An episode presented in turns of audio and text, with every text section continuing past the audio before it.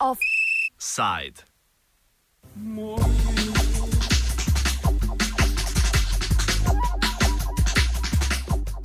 Brez kruha za igre.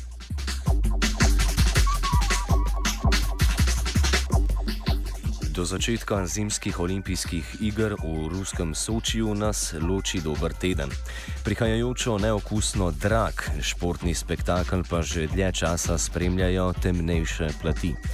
Med drugim številne nevladne organizacije že dlje časa opozarjajo na kršitve človekovih pravic v povezavi z več deset tisoči delavci migranti, ki so mesto Soči iz majhnega letovišča pomagali spremeniti v gostiteljico olimpijskih iger.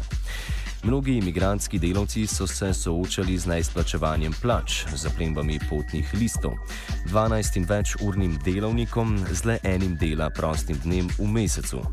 Vse našteto predstavlja direktno kršenje ruske zakonodaje.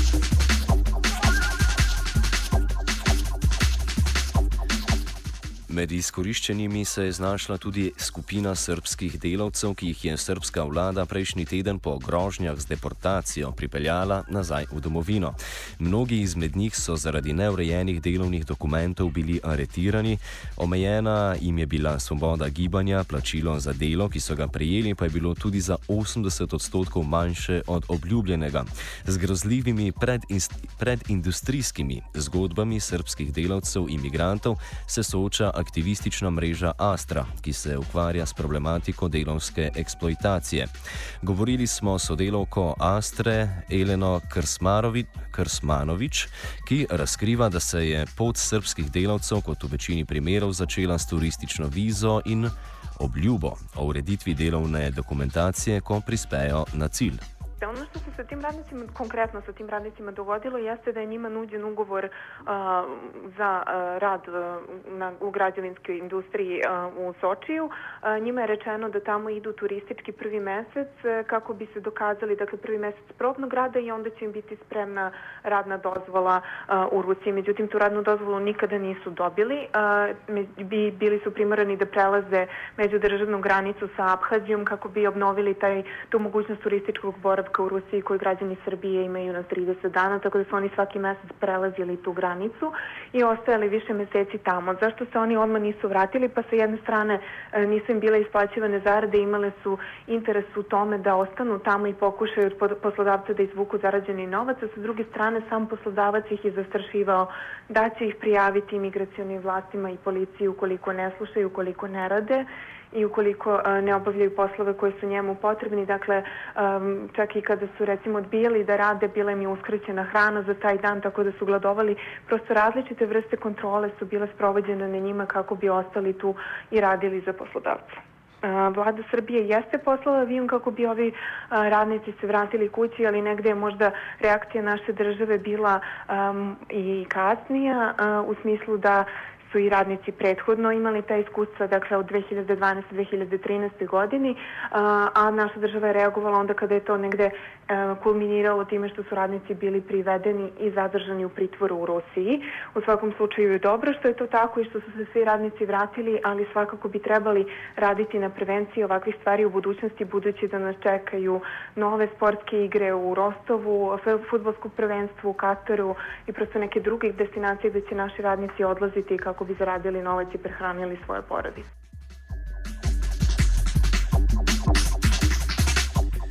Zadnji dogodki s srpskimi delavci, ki so se znašli v primežu pekla izkoriščanja, naše sogovornice ne presenečam preveč. Društvo Astra s takšnimi in podobnimi zgodbami delavci imigranti seznanjajo že dlje časa.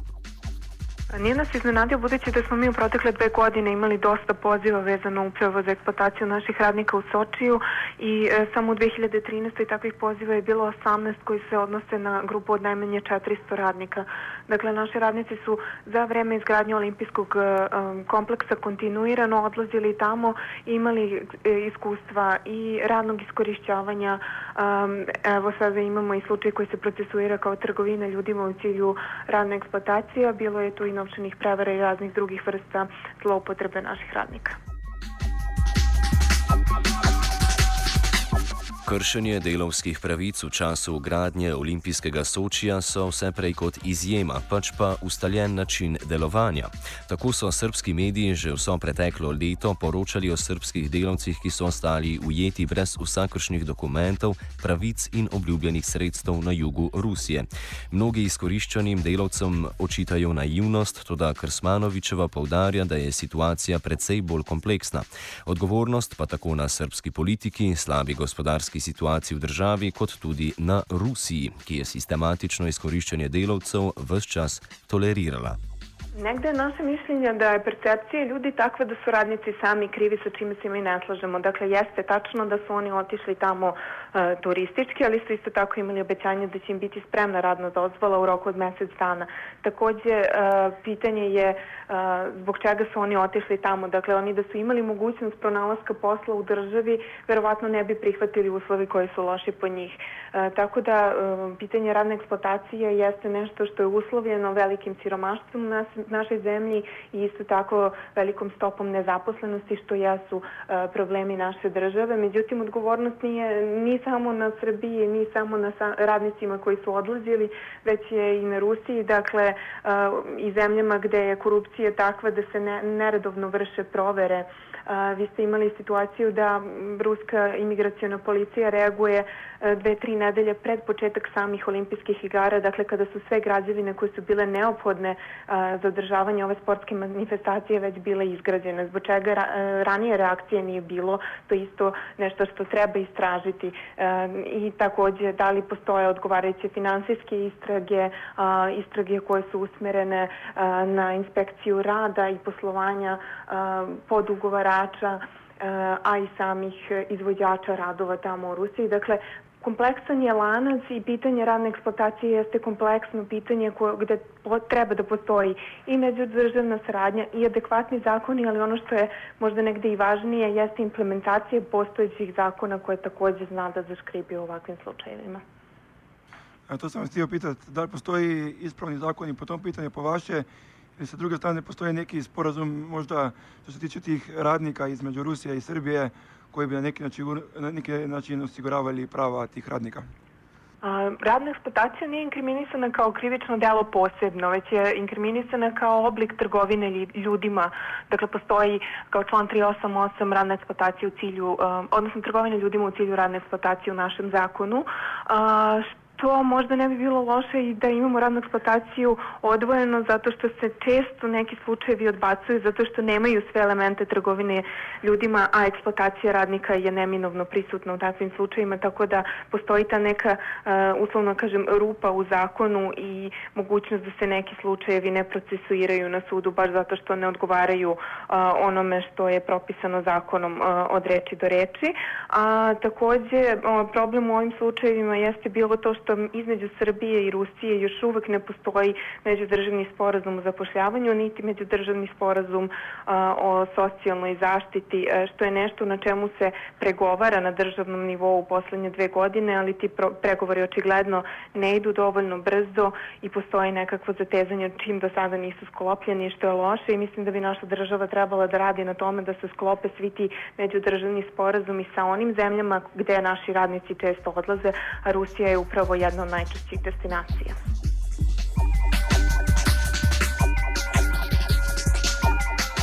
Večina srpskih delavcev je delo v Sočiju našla preko agencij za posredovanje dela. Teh je uradno registriranih 65, informacije o tem, koliko jih neuradno ponuja gradove v ruskih oblakih, pa seveda ni znano. V Rusiji sicer po uradnih podatkih dela več kot 20 tisoč srpskih državljanov.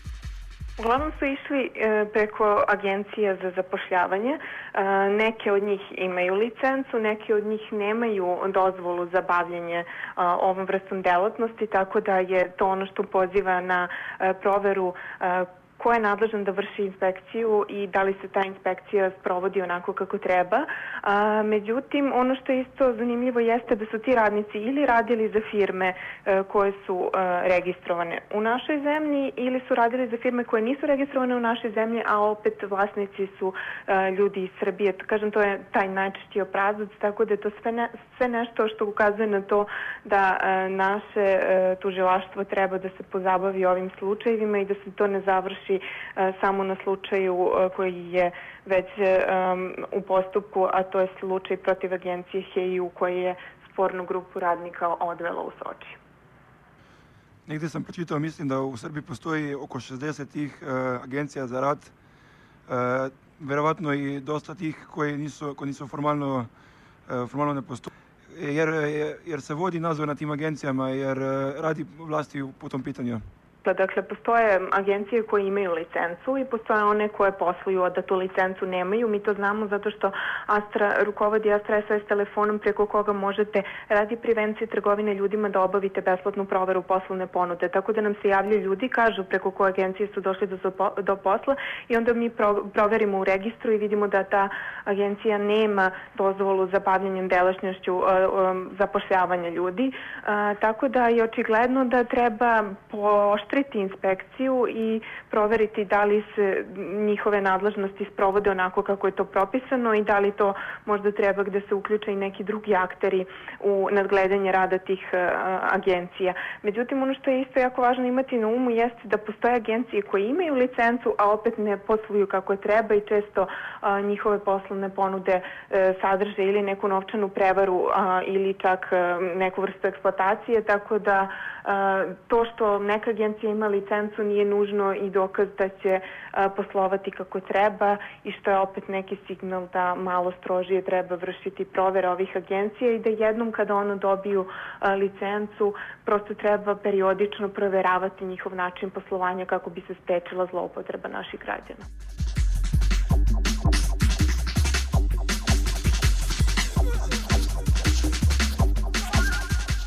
Čeprav do kršitev pravic srpskih delavcev v Rusiji prihaja že dlje časa, se razen Astre, delovskih sindikatov in nekaterih nevladnih organizacij s tem problemom v Srbiji do vladne intervencije pretekli teden ni nihče resno ukvarjal.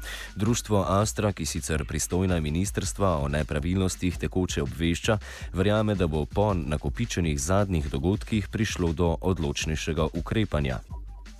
Sa nama su, mi smo prvo kada smo dobili veliki broj poziva u Sočiju, stupili u kontakt sa Ministarstvom spoljnih poslova i onda se na rešavanju ovih slučajeva čini mi se aktivnije i angažovalo naše, naš konzulat u, u, u Rusiji. A, ono što se desilo nakon ovih slučajeva jeste da su nas kontaktirali iz Agencije za e, zapošljavanje, dakle državnog tela koji se bavi pitanjem zapošljavanja i nadamo se da ćemo kroz saradnju sa njima a, e, prosto kreirati neki niz preventivnih aktivnosti kako bi uspeli da negde unapredimo procedure i a, bolje zaštitimo radnike iz Srbije, ali ono što je apsolutno tačno jeste da je problem radne eksploatacije takav da zahteva međusektorsku saradnju, dakle ne angažman samo nevladinih organizacija na pomoć prevarenim ljudima, ne angažman samo državnih tela na procesuiranju prosto krivičnih dela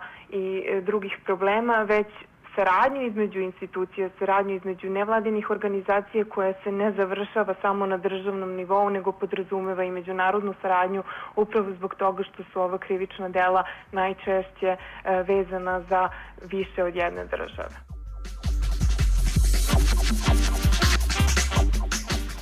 Če je v času Rima športne spektakle opredeljevala sintagma kruha in igr, ostaja moderna doba omenjeni floskuli zvesta z minimalno korekcijo: brez kruha za igre. V bližajočem sočju tudi na plečih srpskih delavcev, s katerimi smo se ukvarjali v tokratnem off-sajdu.